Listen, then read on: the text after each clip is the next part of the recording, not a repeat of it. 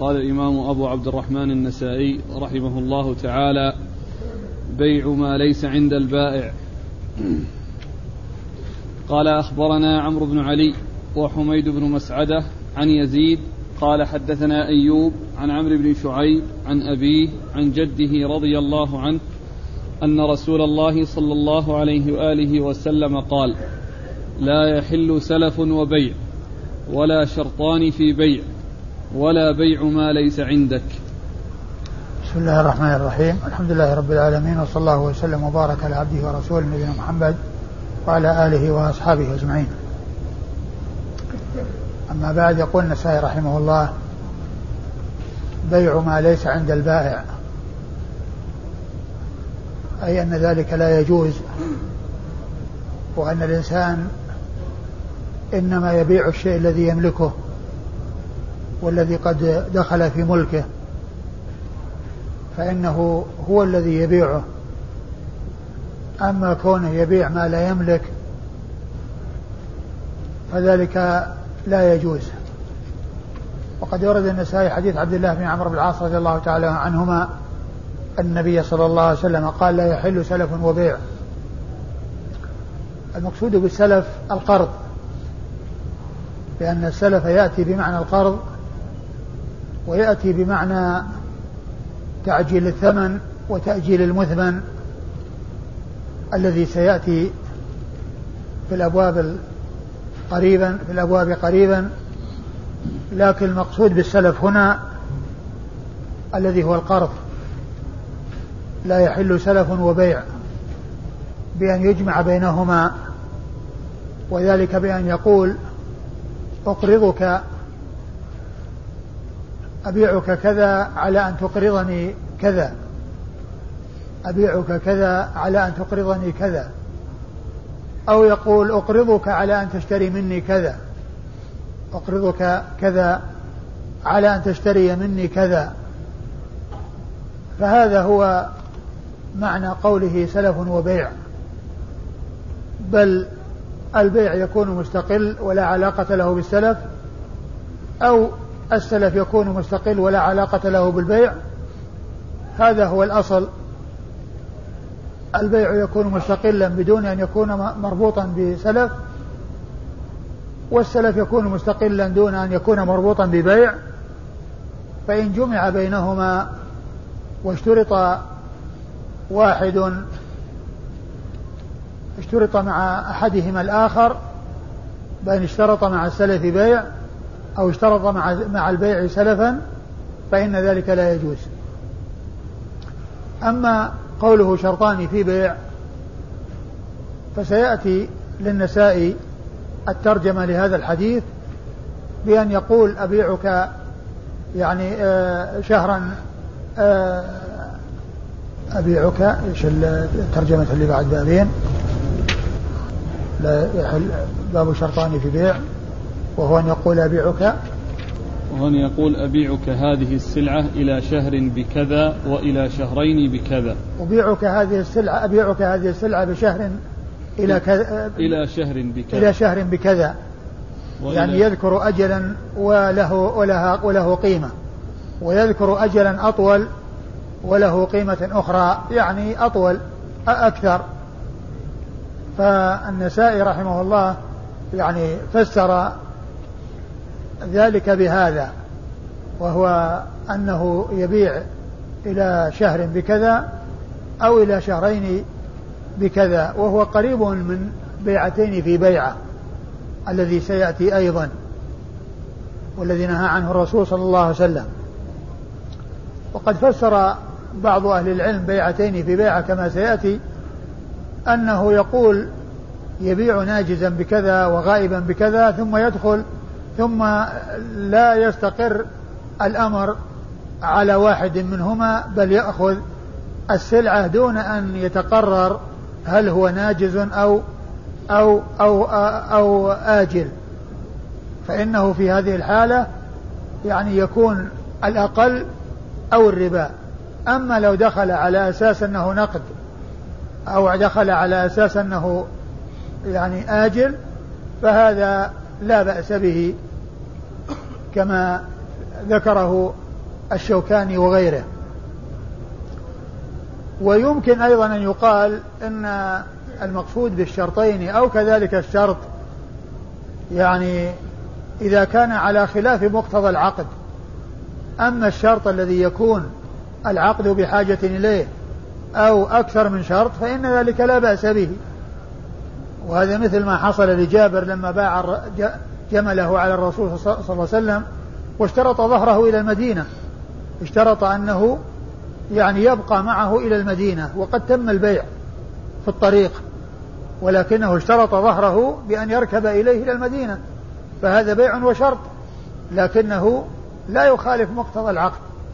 أما إذا كان يخالف مقتضى العقد بأن يقول آه، أبيعك يعني آه، كذا على شرط مثلا أن تقرضني كذا أو على شرط أن تبيعني كذا أو ما إلى ذلك من الأشياء التي ليست على مقتضى العقد. وكذلك إذا كان شرطين فإن ذلك لا يسوق. أما إذا كان لا يخالف مقتضى العقد فإنه لا بأس بالشروط التي تكون في البيع. أيوه ولا شرطان في بيع. ولا بيع ما ليس عندك. ولا بيع ما ليس عندك وهذا هو مقصود الترجمة. ولا بيع ما ليس عندك. يعني أن الإنسان لا يبيع الشيء الذي لم يملكه لا يملكه وإنما يبيع الشيء الذي هو ملكه. أما أن آه، يتم البيع بينه وبينه وهو ما عنده السلعة ثم يروح يشتريها ثم يبيعها إياه فإن ذلك لا يجوز وسيأتي في آه، مبينا وموضحا في حديث حكيم بن حزام رضي الله تعالى عنه في الأحاديث الآتية. نعم. الإسناد. قال أخبرنا عمرو بن علي. عمرو بن علي هو الفلاس. وهو ثقة أخرج له أصحاب كتب الستة بل هو شيخ لأصحاب كتب الستة. وحميد بن مسعدة. وحميد بن مسعدة البصري وهو صدوق أخرج حديثه مسلم وأصحاب السنة الأربعة. عن يزيد. عن يزيد بن زريع وهو ثقة أخرج له أصحاب كتب الستة. عن أيوب. عن أيوب بن أبي تميم السختياني وهو ثقة أخرج له أصحاب كتب الستة. عمرو بن شعيب. عن عمرو بن شعيب آه ابن محمد بن عبد الله بن عمرو بن العاص. وهو صدوق أخرج حديثه البخاري في جزء القراءة وأصحاب السنة الأربعة. عن أبيه شعيب ابن محمد ابن عبد الله بن عمرو. وهو صدوق أيضا أخرج حديثه البخاري في الأدب المفرد وجزء القراءة وأصحاب السنة الأربعة. عن جده أي جد شعيب وهو أيضا جد عبد الله لأن جد أبيه جده. لكن المقصود هنا أن الضمير يرجع إلى إلى إلى إلى شعيب وأن وأنه يروي عن جده عبد الله وليس يروي عن أبيه شعيب أبيه محمد الذي هو جد آه عمرو الذي هو جد عمرو وإنما شعيب يروي عن جده عبد الله بن عمرو. وقد ذكر الحافظ بن حجر في التقريب أنه صح سماعه من جده عبد الله بن عمرو بن العاص وعلى هذا يكون متصلا. وعلى هذا يكون متصلا لأنه لا انقطاع فيه. لكن على أن الجد هو جد عامر وهو محمد يكون مرسلا لأن محمدا لم يدرك النبي صلى الله عليه وسلم. عن عبد الله بن عمرو رضي الله تعالى عنهما وهو أحد العبادلة الأربعة من أصحاب النبي صلى الله عليه وسلم.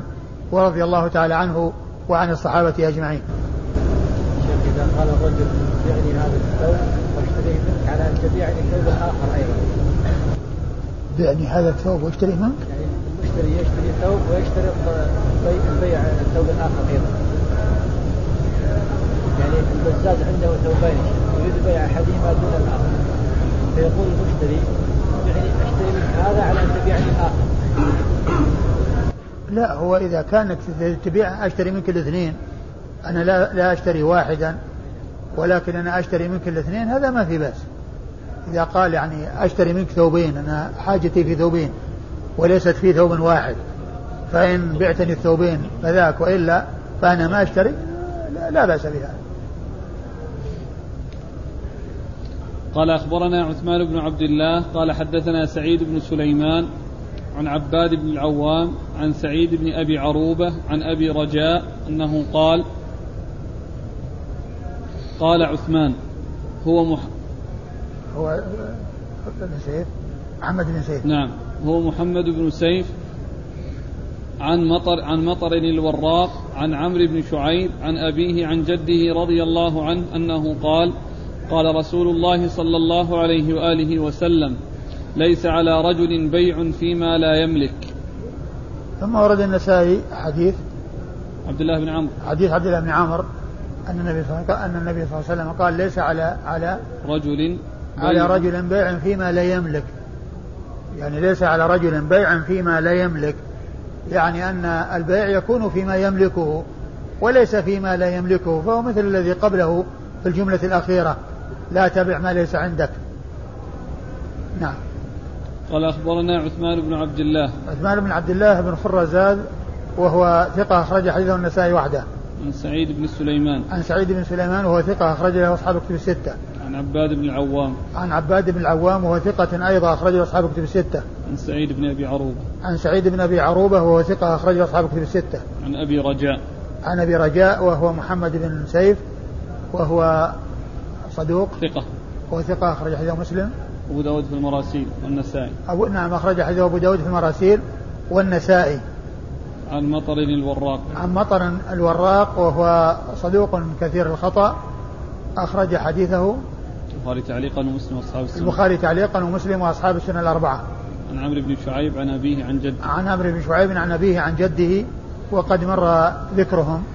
وقوله هنا عن أبي رجاء وقال عثمان وهو محمد بن سيف. يعني عثمان هو شيخ النسائي. يعني أي الذي سمى هذا الشخص الذي في الإسناد أو في أثناء الإسناد هو عثمان شيخ النسائي. وهذا كون النسائي ينص على أن عثمان هو الذي سمى ذلك الرجل الذي جاء بكنيته. يعني هذا يفيد أنه حيث يذكر يعني ال ال يعني هذا يفيد بأن ال ال أن أن أن أن الإتيان بشيء يوضح يعني يكون يعني من ليس ممن دون التلميذ فقط اللي هو تلميذ الذي هو تلميذ تلميذه. بل قد يكون وراء ذلك. يعني أن هذه أن هذه أن أن الزيادة التي يوضح بها الراوي طبعا هي لا تكون من التلميذ لأن التلميذ لا يحتاج إلى يعني إلى أن يقول هو فلان وإنما ينسبه كما يريد.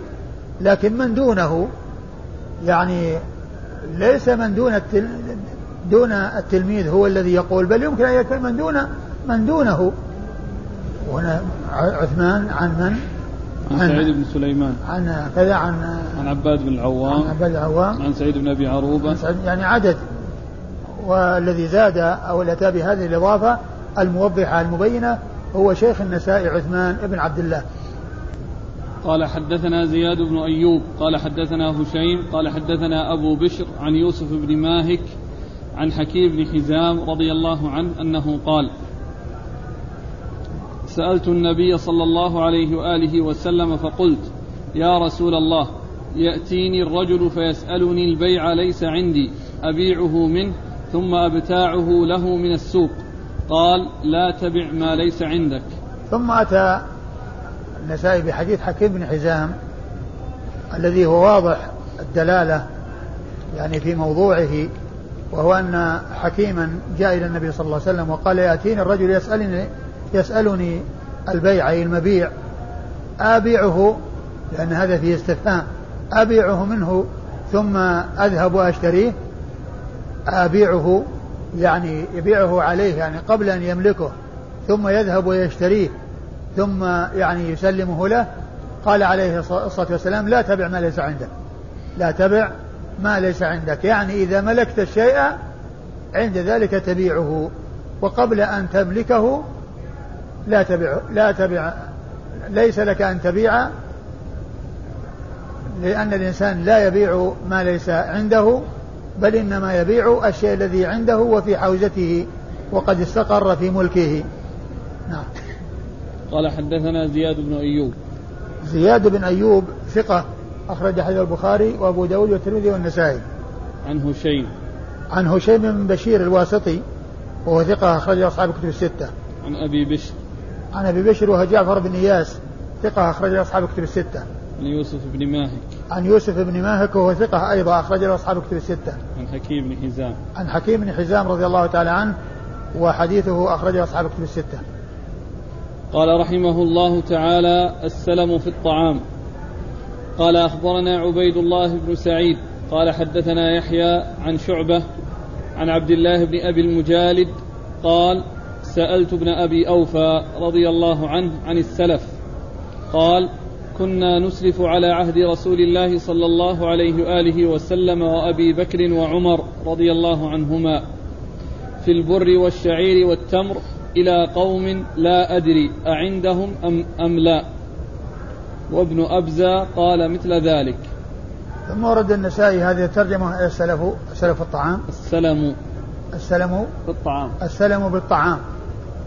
السلم والسلف بمعنى واحد إلا أن السلف يطلق أيضا على القرض كما سبق أن مر نهى عن عن سلف وبيع لأن هناك السلف بمعنى القرض وهنا السلم والسلف وهما بمعنى واحد وهو تعجيل الثمن وتأجيل المثمن عكس بيع الأجل. لأن بيوع الآجال تعجيل المثمن وتأجيل الثمن. تعجيل المثمن وتأجيل الثمن. وأما السلف الذي هو السلم فهو عكسه. تعجيل الثمن وتأجيل المثمن. وهو سائغ على يعني آه، سائغ يعني مستثنى من الأشياء الغير الموجودة. لأنه آه، تقديم الثمن من أجل أن يحصل المثمن ثمرة يعني عند الجذاذ أو عند الحصاد للزرع يعني يأخذ ذلك الشيء فهو يدفع الشيء والمبيع غير موجود. ولكنه ساغ وجاز للحاجة فهو مستثنى يعني من بيع الشيء الذي هو غير موجود أو الذي معلق بشيء غير يعني موجود وهو الزرع. ذلك بأن يعني يدفع الثمن ويعني المثمن هو كذا صاع من البر عند عند الحصاد وهو يكون يعني عند بداية الزرع أو كونه قبل أن يزرع. فهذا مستثنى وجائز وقد جاءت النصوص. في ذلك عن رسول الله صلى الله صلى الله عليه وسلم وهذا منها. وقد أورد النسائي حديث وقبل هذا السلم والسلف يقولون السلم لغة أهل العراق والسلف لغة أهل الحجاز وهما بمعنى واحد. ولهذا يأتي في كتب الحنابلة والحنفية التعبير بالسلم لأنهم في العراق. ويأتي في كتب المالكية والشافعية غالبا السلف لأنهم في الحجاز وقد أورد النسائي حديث عبد الله بن عبد الله بن أبي أوفى وكذلك عبد الرحمن بن أبزة رضي الله تعالى عنهما إيش المتن؟ قال عبد الله بن أبي المجالد يقول سألت ابن أبي أوفى عن السلف. قال سألت ابن أبي أوفى عن السلف. يعني الذي هو تعجيل الثمن وتأجيل المثمن في الثمار والزروع. فقال كنا نسلف على عهد رسول الله صلى الله عليه وآله وسلم وأبي بكر وعمر في البر والشعير والتمر إلى قوم لا أدري أعندهم أم لا. يعني كنا نسلف على عهد رسول, رسول الله صلى الله عليه وسلم إلى قوم في التمر والشعير. والبر. التمر في البر والشعير والتمر. في البر والشعير والتمر إلى قوم لا ندري عندهم أم لا. يعني أنهم يعني يأخذون على أساس أنهم يعني من آه من بساتينهم ومن مزارعهم آه يوفونهم يعني عندما تأتي الثمرة وعندما يأتي الحصاد. فكانوا يفعلون ذلك. كانوا يفعلون ذلك. على في زمن رسول الله صلى الله عليه وسلم. وهذا يعني يبين أن أن مثل ذلك سائغ وجائز لأنه أضيف إلى زمن النبوة. لكن جاء ما هو أصرح من ذلك وهو أوضح وهو الحديث الذي سيأتي قدم المدينة وهم يسلفون. فنهى عن ذلك وقال من أسلف فليسلف في كيل معلوم ووزن معلوم إلى أجل معلوم. يعني معناه أنه أجازه بقيود وشروط. أنه جاء الإسلام وأجازه بشروط وقيود وقد كانوا يتعاملون به يعني في المدينة لأنهم أصحاب زرع وأصحاب حرث فقدم المدينة وهم يسلفون السنة والسنتين. السنة والسنتين. يعني أنه عندما تأتي الثمرة في العام الآتي وفي العام الذي وراه ويأخذ القيمة مقدما. فهذا مستثنى وسائغ لكنه بالشروط التي بينها الرسول صلى الله عليه وسلم وهو أن يكون في كلم معلوم وزن معلوم وإلى أجل معلوم. قال وسألت ابن أبزة فقال مثل ذلك وابن أبزة مثل ذلك أي قال مثل ذلك وعلى هذا فهو عن صحابيين. يعني كون كونهم يعني يسلفون يعني ويفعلون ذلك في زمن النبي صلى الله عليه وسلم عن عبد الله بن أبي أوفى وعن عبد الرحمن بن أبزة رضي الله تعالى عنهما. والإسناد قال أخبرنا عبيد الله بن سعيد. عبيد الله بن سعيد السرخسي اليشكري ثقة أخرج له البخاري ومسلم والنسائي. عن يحيى. عن يحيى بن سعيد القطان ثقة أخرج له أصحاب الكتب الستة. عن شعبة. عن شعبة بن الحجاج الواسطي ثم البصري وهو ثقة أخرج له أصحاب الكتب الستة. عن عبد الله بن أبي المجالد. عن عبد الله بن أبي المجالد وهو ثقة نعم. أخرج له البخاري وأبو داود والنسائي بن ماجه. وهو ثقة أخرج حديث البخاري وأبو داود والترمذي والنسائي. البخاري وأبو داود البخاري وأبو داود والترمذي والنسائي. والنسائي وابن ماجه. البخاري وأبو داود والنسائي وابن ماجه. البخاري وأبو داود والنسائي وابن ماجه. عن ابن أبي أوفى. عن ابن أبي أو ابن أبي أوفى عبد الله بن أبي أوفى رضي الله عنه صاحب رسول الله صلى الله عليه وسلم وحديثه أخرجه أصحاب كتب الستة. وابن أبزة. وابن أبزة وهو عبد الرحمن بن أبزة وهو صحابي صغير حديثه أخرجه أصحاب كتب الستة. قال رحمه الله تعالى السلم في الزبيب. قال أخبرنا محمود بن غيلان قال حدثنا أبو داود قال أنبأنا شعبة قال حدثنا ابن أبي المجالد. وقال مرة عبد الله وقال مرة محمد. قال تمارى أبو بردة وعبد الله بن شداد في السلم فأرسلوني إلى أبي إلى ابن أبي أوفى رضي الله عنه فسألته فقال كنا نسلم على عهد رسول الله صلى الله عليه وآله وسلم وعلى عهد أبي وعلى عهد أبي بكر وعلى عهد عمر رضي الله عنهما في البر والشعير والزبيب والتمر إلى قوم ما نرى عندهم وسألت ابن أبزة فقال مثل ذلك ثم أورد النسائي آه، حديث آه، ابن أبي أبزة حديث عبد الله عبد الله عبد الله بن أبي أوفى وحديث عبد الرحمن بن أبزة وهو مثل الذي قبله. ترجم له قال السلم في الزبيب. السلم في الزبيب نعم. لأن هناك السلف السلم في الطعام. السلم في الطعام الذي هو البر. وهنا السلم بالزبيب.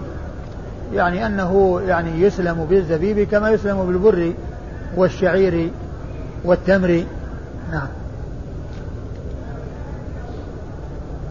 قال أخبرنا محمود بن غيلان.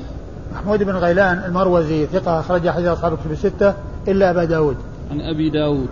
عن أبي داود وهو سليمان بن داود الطيالسي ثقة أخرج له البخاري تعليقا ومسلم وأصحاب السنة الأربعة. عن شعبة عن ابن أبي المجالد عن عن ابن أبي أوفى وابن ابزاء وابن ابزاء وقد مر ذكرهم. وفي وفي وفي الحديث ان ان ان ان ان, أن التابعين كانوا عندما يختلفون في المسائل يرجعون إلى أصحاب رسول الله صلى الله عليه وسلم وذلك لأنهم هم الذين يعني الواسطة بين الناس وبين الرسول صلى الله عليه وسلم وهم الذين يلتمس عندهم آه، النصوص أو تلتمس عندهم النصوص أو تعرف عن طريقهم النصوص عن رسول الله صلى الله عليه وسلم ورضي الله تعالى عن الصحابة أجمعين. قال رحمه الله تعالى السلف في الثمار. قال أخبرنا قتيبة بن سعيد قال حدثنا سفيان عن ابن أبي نجيح عن عبد الله بن كثير عن أبي المنهال أنه قال سمعت ابن عباس رضي الله عنهما أنه قال قدم رسول الله صلى الله عليه وآله وسلم المدينة وهم يسلفون في التمر السنتين والثلاث فنهاهم وقال من أسلف سلفا فليسلف في كيل معلوم ووزن معلوم إلى أجل معلوم ثم ورد النسائي السلف في الثمار. السلف في الثمار يعني آه، آه، ثمار التمر آه، الذي هو الثمر اللي هو التمر الذي يعني الرطب الذي يكون يعني الثمرة التي تكون في النخل وتحصل عن طريق تحصل في النخل كانوا يسلفون هذا المقصود بالترجمة هو السلف في التمر لأن الذي مر السلف بالطعام الذي هو البر ثم السلف بالزبيب ثم هنا السلف بالثمار الذي هو التمر. لأن هناك الثمرة يعني غالبا عندما تذكر يعني ثمرة التمر ولهذا يعني مر في الأحاديث يعني لا يباع ثمر بتمر. يعني ثمر بتمر الذي هو على رؤوس النخل بالتمر الذي يعني يكون بأيدي الناس. وذلك يعني ويستثنى من ذلك ويستثنى من ذلك العرايا كما سبق أن مر بنا قريبا. وقد أورد النسائي حديث ابن عباس رضي الله تعالى عنهما قدم النبي, صلى الله عليه وسلم المدينة وهم يسلفون السنة والسنتين فنهاهم. المقصود أنه نهاهم عن الأشياء التي كانوا يتعاملون فيها على غير هذه القيود التي أرشد إليها رسول الله صلى الله عليه وسلم. ولهذا يعني آه، أجاز ذلك بهذه القيود. يعني فيكون النهي مبنيا على أمور فيها جهالة. يعني هذا اللي يقوله نهاهم. أما إذا حصل السلف على أمور معلومة من حيث المسلم فيه وهو الكيل المعلوم أو الوزن المعلوم وكذلك الأجل المعلوم فإنه لا بأس بذلك لأن النبي صلى الله عليه وسلم أجازه بهذه القيود والشروط. نعم. قال أخبرنا قتيبة بن سعيد. قتيبة بن سعيد بن جميل بن طريف البغلاني ثقة أخرج له أصحاب كتب الستة. عن سفيان. عن سفيان بن عيينة المكي ثقة أخرج له أصحاب كتب الستة. عن ابن أبي نجيح. عن ابن أبي نجيح عبد الله بن أبي نجيح وهو ثقة. نعم. ثقة ربما. ثقة ربما دلس وكذا أخرج له أصحاب كتب الستة. عن عبد الله بن كثير. عن عبد الله بن كثير المكي وهو صدوق أخرج حديثه. أصحاب الكتب. أخرج حديثه أصحاب الكتب الستة. عن أبي المنهال. عن أبي المنهال وهو عبد الرحمن بن مطعم المكي وهو ثقة أخرجه أصحاب الكتب الستة. عن ابن عباس. عن ابن عباس عبد الله بن عباس بن عبد المطلب ابن عم النبي صلى الله عليه وسلم وأحد العبادلة الأربعة من أصحابه الكرام وأحد السبعة المعروفين كثرة الحديث عن النبي صلى الله عليه وسلم من الصحابة رضي الله عنهم. الإسناد الذي مضى يقول شعبة حدثنا ابن أبي المجالد وقال مرة عبد الله وقال مرة محمد. يعني أنه يقال له عبد الله هو اسمه عبد الله. من هو؟ يعني اللي هو ابن أبي المجالد. أي. ابن أبي المجالد وأيضا يقال له محمد. ولهذا في ترجمته التقريب قال يعني يقال كذا ويقال كذا. قال رحمه الله تعالى استسلاف الحيوان واستقراضه. قال أخبرنا عمرو بن علي قال حدثنا عبد الرحمن. قال حدثنا مالك عن زيد بن أسلم عن عطاء بن يسار عن أبي رافع رضي الله عنه أن رسول الله صلى الله عليه وآله وسلم استسلف من رجل بكرا فأتاه يتقاضاه. فأتاه يتقاضاه بكره فقال لرجل انطلق فابتع لنا فابتع له بكرا. فأتاه فقال ما أصبت إلا بكرا رباعيا رباعيا خيارا. فقال أعطه فإن خير المسلمين أحسنهم قضاء. ثم ورد النسائي استسلاف الحيوان واستقراضه يعني هما كلمتان مترادفتان لأن السلف هو القرض والقرض هو السلف. استسلاف يعني واستقراض هما بمعنى واحد فالتكرار يعني ليس للتغاير بل ليس للتغاير بالمعنى وإنما هو التغاير باللفظ فقط. هو من أجل تغاير باللفظ وليس تغايرا بالمعنى لأن المقصود بذلك القرض. يقال له سلف ويقال له قرض واستسلاف واستقراض بمعنى واحد. والمقصود من ذلك أن الحيوان يمكن استقراضه بأن يأخذ الإنسان يعني آه، ناقة ويرد مكانها ناقة. ومن المعلوم أن يعني العين يعني عندما يعني تستقرض يعني لا يتعين ردها لأنها يمكن أنها آه، يعني آه، يعني تؤكل أو يعني تستخدم في شيء أو تموت ولكن يرد بدلها يعني مثلها يرد مثلها.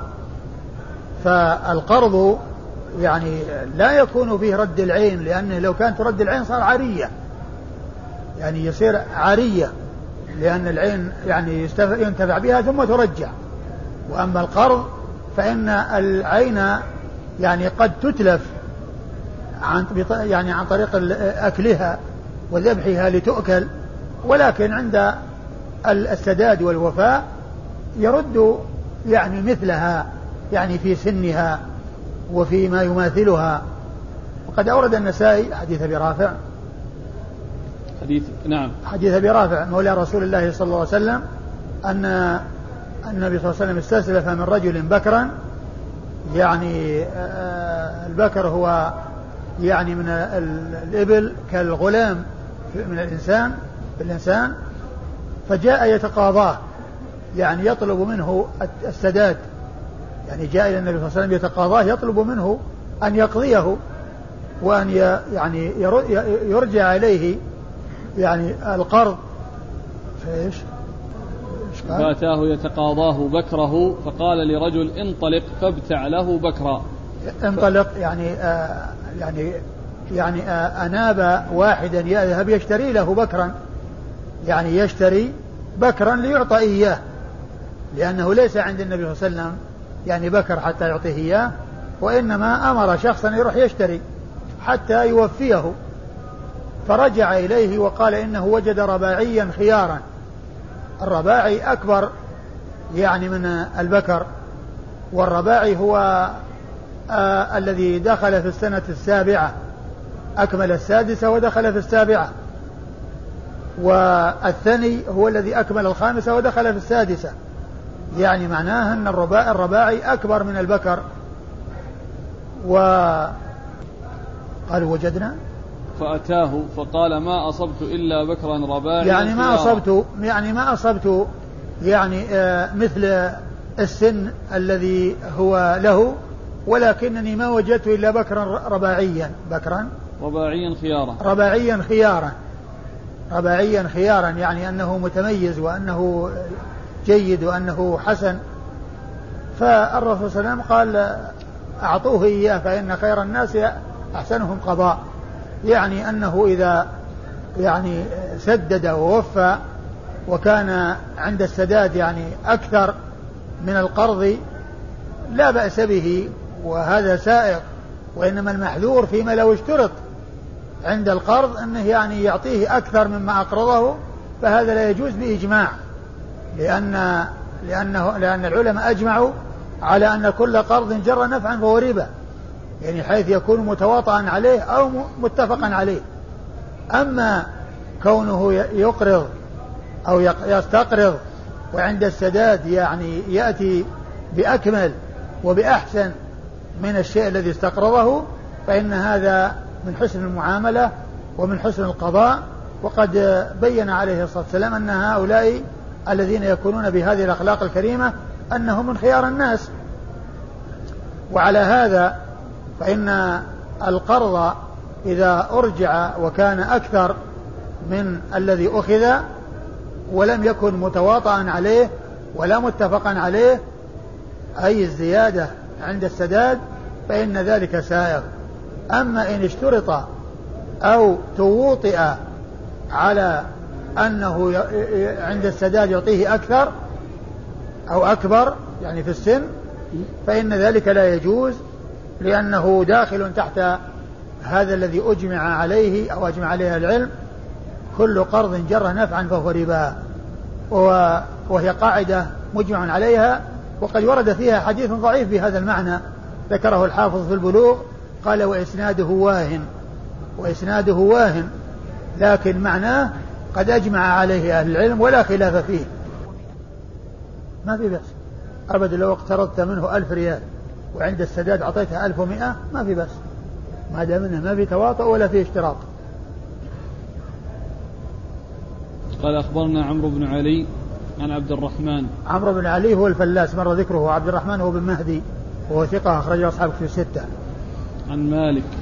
عن مالك بن أنس إمام دار الهجرة الإمام مشهور. عن زيد بن أسلم. عن زيد بن أسلم وهو ثقة أخرجه أصحاب في الستة. عن عطاء بن يسار. عن عطاء بن يسار وهو ثقة أخرجه أصحاب في الستة. عن أبي رافع. عن أبي رافع مولى رسول الله صلى الله عليه وسلم وحديثه أخرجه أصحاب في الستة. ما ذكره السندي من أن الحديث منسوخ. ما هو صحيح. يعني أولا هذا قرض. ولا علاقة له بالبيع. ويعني وهو ثابت عن رسول الله صلى الله عليه وسلم. فهو ليس بمنسوخ. قال أخبرنا عمرو بن منصور قال حدثنا أبو نعيم قال حدثنا سفيان عن سلمة بن كهيل عن أبي سلمة عن أبي هريرة رضي الله عنه إنه قال كان لرجل على النبي صلى الله عليه وآله وسلم سن من الإبل فجاء يتقاضاه فقال أعطوه فلم يجدوا إلا سنا فوق سنه قال أعطوه فقال أوفيتني فقال رسول الله صلى الله عليه وآله وسلم إن خياركم أحسنكم قضاء. ثم ورد النسائي حديث أبي هريرة رضي الله عنه أن رجلا كان كان له كان لرجل على النبي صلى الله عليه وسلم سن من الإبل. كان لرجل على كان لرجل على رسول الله رسول الله صلى الله عليه وسلم سن من الإبل يعني آه يعني آه ناقة يعني سنها كذا يعني مثلا آه ثني أو يعني مثلا جذعة أو حقة. فيعني آه ما وجدوا يعني ما كان في سنها لكن وجدوا ما هو أكبر. يعني بأن يكون مثلا ثني الذي له ثني ولكن الذي وجد رباعي أو يعني آه، جذعة والذي وجد هو ثنية. فالرسول أعطى أمرهم بأن يعطوه إياه وقال إن خيار الناس أحسنهم قضاء. فهو مثل حديث أبي حديث أبي رافع المتقدم. قال أخبرنا عمرو بن منصور عمرو بن منصور هو النسائي ثقة أخرج حديثه النسائي وحده عن أبي نعيم عن أبي نعيم الفضل بن دكين وهو ثقة أخرجه أصحاب كتب الستة عن سفيان عن سفيان هو الثوري سفيان بن سعيد بن مسروق الثوري ثقة فقيه أخرجه أصحاب كتب الستة. عن سلمة بن كهيل. عن سلمة بن كهيل وهو ثقة أخرجه أصحاب كتب الستة. عن أبي سلمة. عن أبي سلمة بن عبد الرحمن بن عوف وهو ثقة فقيه وهو أحد فقهاء المدينة السبعة في عصر التابعين على أحد الأقوال الثلاثة في السابع منهم. عن أبي هريرة عن أبي هريرة عبد الرحمن بن صخر الدوسي صاحب رسول الله صلى الله عليه وسلم وهو أكثر أصحابه حديثا على الإطلاق. قال أخبرنا إسحاق بن إبراهيم قال أنبانا عبد الرحمن بن مهدي قال حدثنا معاوية بن صالح قال سمعت سعيد بن هانئ يقول سمعت عرباض بن سارية رضي الله عنه يقول بعت من رسول الله صلى الله عليه وآله وسلم بكرا فأتيته أتقاضاه فقال أجل لا أقضيكها إلا نجيبة. فقضاني فأحسن قضائي وجاءه أعرابي يتقاضاه سنة. فقال رسول الله صلى الله عليه وآله وسلم أعطوه سنا فأعطوه يومئذ جملا. فقال هذا خير من سني. فقال خيركم خيركم قضاء. ثم ورد النسائي حديث العرباض بن ساري رضي الله عنه ويدل على قصتين. قصة تتعلق به وأن الرسول صلى الله عليه وسلم أعطاه يعني خيرا مما له وكذلك أيضا يحكي عن الأعرابي الذي له سن وجاء يتقاضاه ويعني أعطاه ما هو خير وقال هذا خير من سني فقال يعني خيركم أحسنكم قضاء فهو دال على ما دلت عليه الأحاديث السابقة. نعم. قال أخبرنا إسحاق بن إبراهيم. إسحاق بن إبراهيم بن مخلد بن راهوية الحنظلي المروزي ثقة فقيه وصف بأنه أمير المؤمنين في الحديث وحديث أخرجه أصحاب الكتب الستة إلا من ماجه. عن عبد الرحمن بن مهدي عن معاوية بن صالح. عن عبد الرحمن بن مهدي مر ذكره عن معاوية بن صالح وهو صدوق له أوهام. صدوق له أوهام أخرج حديث البخاري في جزء القراءة ومسلم وأصحاب السنة الأربعة عن سعيد بن هانئ. عن سعيد بن هانئ وهو ثقة. أخرج له. أخرج له النسائي وابن ماجه. أخرج حديثه النسائي وابن ماجه. عن عرباض بن سارية. عن العرباض بن سارية رضي الله عنه صاحب رسول الله صلى الله عليه وسلم وحديثه أخرجه أصحاب السنة الأربعة. قال رحمه الله تعالى بيع الحيوان بالحيوان نسيئة. قال أخبرنا عمرو بن علي. قال حدثنا يحيى بن سعيد ويزيد بن زريع وخالد بن الحارث قالوا حدثنا شعبة. قال وأخبرني أحمد بن فضالة بن إبراهيم. قال حدثنا عبيد الله بن موسى. قال حدثنا الحسن بن صالح عن ابن أبي عروبة عن قتادة عن الحسن عن سمرة رضي الله عنه أن رسول الله صلى الله عليه وآله وسلم نهى عن بيع الحيوان بالحيوان نسيئة. ثم ورد النسائي هذه الترجمة وهي بيع الحيوان بالحيوان نسيئة. يعني المقصود أن المقصود بأنه لا يجوز. المقصود بهذه الترجمة أنه لا يبيع لا يجوز بيع الحيوان بالحيوان نسيئة أي أنه آه يبيع آه يعني آه يبيع الحيوان يعني بأن يكون غائبا. يعني أحد الاثنين يعني أحد المبيعين حاضر والثاني غائبا أو هما معا. يعني غائبان المبيعان يعني غائبان. أورد النسائي حديث سمرة بن جندب رضي الله تعالى عنه قال نهى رسول الله صلى الله عليه وسلم عن بيع الحيوان بالحيوان نسيئة. نهى رسول الله صلى الله عليه وسلم عن بيع الحيوان بالحيوان نسيئة وهو من رواية الحسن عن سمرة وقد ومن المعلوم أن رواية الحسن عن سمرة فيها خلاف يعني بين أهل العلم منهم من قال أنه سمع منه مطلقا ومنهم من قال لم يسمع منه مطلقا ومنهم من توسط وقال سمع حديث العقيقة والذي ذكره البخاري في صحيحه ولم يسمع يعني غيره. وهذا الحديث ليس يعني ليس ذلك الحديث وإنما هو من الأحاديث الأخرى. وقد اختلف يعني في سماع يعني مثل هذا الحديث لأن الذي حديث الحقيقة ثابت أنه سمعه منه من أبي هريرة.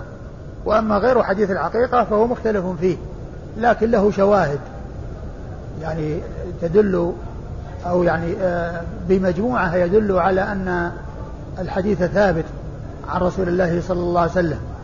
وهو يدل على النهي وعلى أنه لا يجوز بيع الحيوان بالحيوان نسيئة لكن قد جاء في بعض الأحاديث عن النبي صلى الله عليه وسلم ما يدل على أنه يجوز ذلك. وذلك في حديث عبد الله بن عمرو العاص. أمره أن يجهز جيشا فقال يعني لا يعني لا أنه لا لم يجد فأمره أن يأخذ البعير بالبعيرين إلى إبل الصدقة. إلى إبل الصدقة يعني يعني يشتري يعني البعير ببعيرين. يعني إلى إبل الصدقة. فهذا يدل على جواز ذلك. وقد جاء عن عدد من الصحابة القول بجوازه. وعلى هذا فهناك خلاف اختلاف بين حديث سمرة وبين حديث عبد الله بن عمرو العاص.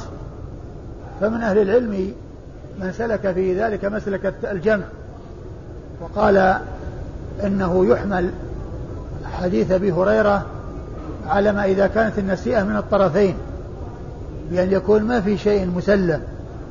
يعني يبيع غائب بغائب وكل من المبيعين المبيعين غائبان.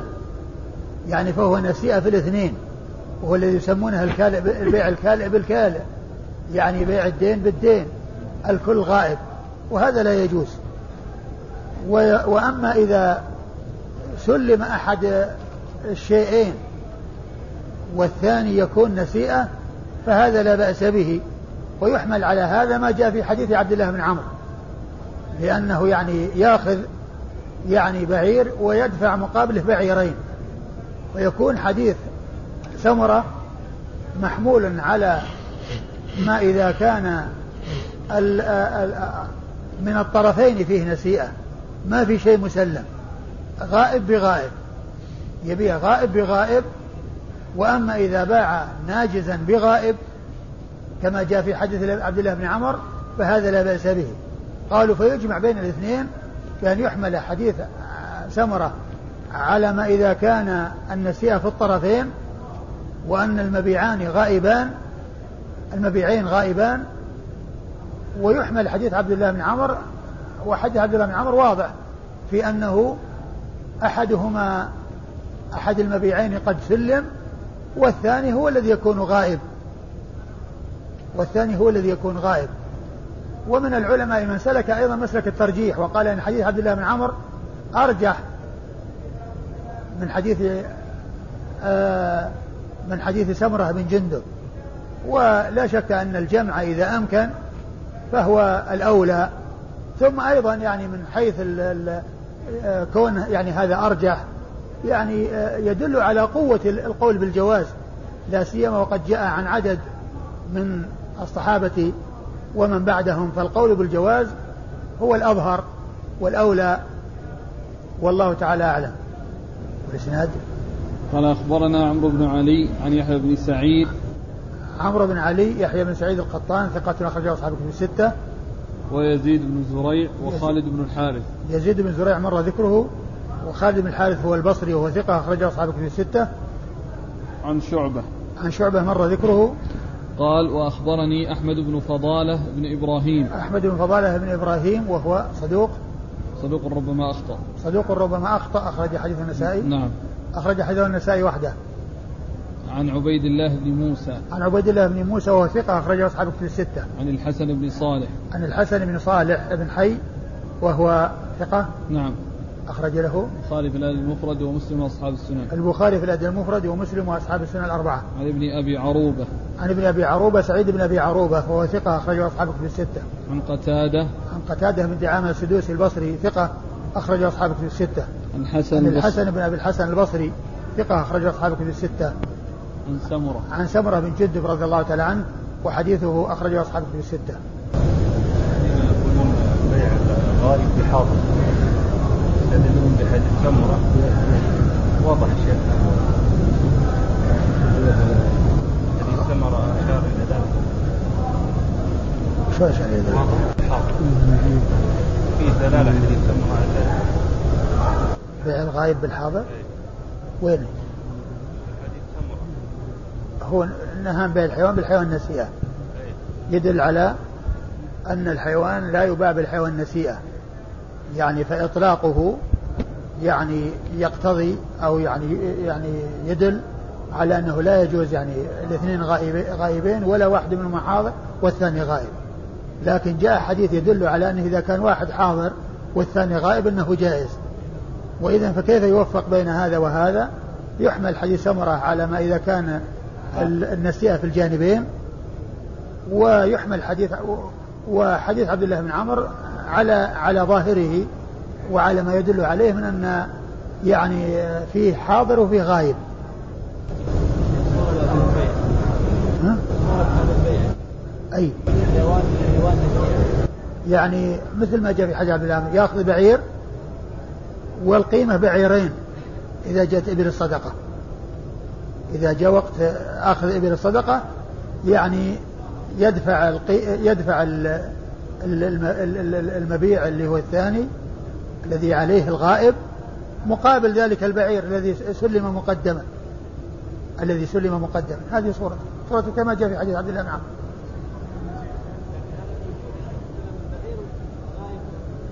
استلم البعير ويقابله بعير بعير أو بعيرين غائبان في المستقبل بعد سنة أو بعد سنتين.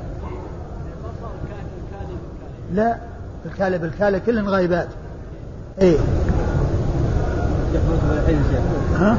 الحديث حديث سمرة.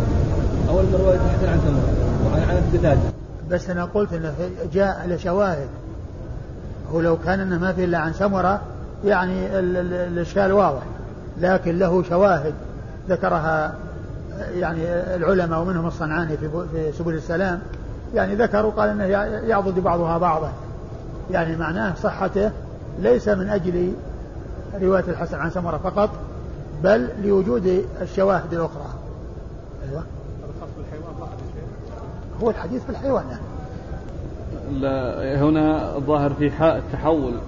أي نعم فيه آه، في في فيه تحول من إسناد إلى إسناد. الشيء الثاني آه، الآن هؤلاء ها؟ يحيى بن سعيد ويزيد بن زريع وخالد بن حارث عن شعبة. اي نعم. والثاني؟ أحمد بن فضالة. أحمد بن فضالة عن عبيد الله بن موسى عن الحسن الحسن بن صالح عن ابن أبي عروبة. ما في شعبة. اللي وجدته في تحفة الأشراف ها أنه قال يحيى بن سعيد ويزيد بن زريع وخالد بن حارث والحسن بن صالح وذكر معهم خامسا خمستهم عنه به. والحسن بن صالح؟ أي الحسن بن صالح آه، فوق الحسن بن صالح في الاسناد الثاني. أي أيوه عن عن أحمد بن فضاله عن الحسن بن صالح لا أحمد بن فضالة عن عبد الله بن موسى عن الحسن بن صالح. ومعهم خامس اللي هو عند ابن ماجه. قال خمستهم به عنه به. يعني مع الحسن بن صالح؟ اي يعني شعبة اللي حاط الحديث تحتها. يعني عن شعبة؟ لا. عن مين؟ سعيد بن أبي عروبة عن قتادة عن الحسن عن سمر. خمستهم. أي عنه به. عنه من هو اللي صاحب الترجمة اللي حاطهم. سعيد بن أبي عروبة؟ أي. أي. يعني شعبة. لا شعبة. شعبة مو معهم؟ أي. شع... يعني الظاهر إنه تحت تصحيف. سعيد آه. صحفت إلى شعبة. والله أعلم. بناء على فعل المزي أي. اي يمكن. أقول يمكن. بس يعني يعني أقول إذا كان الأمر كذلك فهو ممكن لأن إذا كان معناه أنه قال أن خمستهم به وليس فيهم شعبة فيكون سعيد وشعبة يعني كثيرا ما يأتي التصحيح بينهما. أقول ما يأتي التصحيح بينهما. يعني آه، واضح. نعم. قال رحمه الله تعالى بيع الحيوان بالحيوان يدا بيد متفاضلا. قال أخبرنا قتيبة قال حدثنا الليث عن أبي الزبير عن جابر رضي الله عنه أنه قال جاء عبد فبايع رسول الله صلى الله عليه وآله وسلم على الهجرة ولا يشعر النبي صلى الله عليه وآله وسلم أنه عبد فجاء سيده يريده فقال النبي صلى الله عليه وآله وسلم بعنيه فاشتراه بعبدين أسودين ثم لم يبايع أحدا بعد حتى يسأله أعبد هو. ثم أورد النسائي هذه الترجمة وهي بيع الحيوان بالحيوان متفاضلا بيع الحيوان يدا بيد بيد متفاضلا يعني أنه لا بد من التقابض يعني آه ولا بأس بالتفاضل. يعني آه يعني يدا بيد متفاضلة. يعني أورد النسائي حديث من جابر. حديث جابر رضي الله عنه ان أن النبي جاء جاءه. جاء عبد وبايعه ولم يعلم أنه عبد ولم يعلم أنه عبد فجاء سيده يعني يطلبه لأنه ليس مالكا لمنافعه بل منافعه مملوكة له. ولما كان هاجر وبايع على الهجرة الرسول صلى الله عليه وسلم أراد أن تمضي له هذه الهجرة التي بايع عليها فأراد أن يخلصه من العبودية والرق. فقال بعنيه فباعه بعبدين أسودين. يعني معناه يعني واحد يعني مقابل اثنين. واحد مقابل اثنين. يعني آه، قال قوله يدا بيد يعني على حسب الواقع. وإلا فإنه يجوز بيع الحيوان بالحيوان. يعني نسيئة كما سبق كما جاء في حديث عبد الله بن عمرو الذي أشرت إليه. الذي أشرت إليه والذي ذكره الحافظ في بلوغ المرام. وهنا يعني آه والحديث أيضا فيه كون النبي صلى الله عليه وسلم لا يعلم الغيب لأنه لو كان يعلم الغيب لعرف أن هذا عبد مع أنه ما عرف أنه عبد لما جاء سيده يطلبه. فهذا يدل على أن النبي صلى الله عليه وسلم لا يعلم الغيوب وأن الذي هو علام الغيوب هو الله سبحانه وتعالى. والنبي صلى الله عليه وسلم لا يعلم من الغيب إلا ما أطلعه الله عز وجل عليه. وعلم الغيب على الإطلاق هو من خصائص الله سبحانه وتعالى لا لا يعني لا شريك له في ذلك ولكنه يطلع من شاء من خلقه على ما شاء من غيبه. ولهذا يقول الله عز وجل قل لا يعلم من في السماوات والأرض الغيب إلا الله. والله تعالى أعلم. و اسناد اسناد يعني الإسناد. قتيبة عن الليث. قتيبة معروف والليث بن سعد أيضا ثقة اخرج أصحاب الكتب الستة. أبو الزبير. أبو الزبير محمد بن مسلم تدرس ثقة صدوق اخرج أصحاب الكتب الستة وجابر آه، أحد السبعة المعروفين بكثرة الحديث. والله تعالى أعلم وصلى الله وسلم وبارك على ابي ورسوله نبينا محمد وعلى آله وأصحابه أجمعين.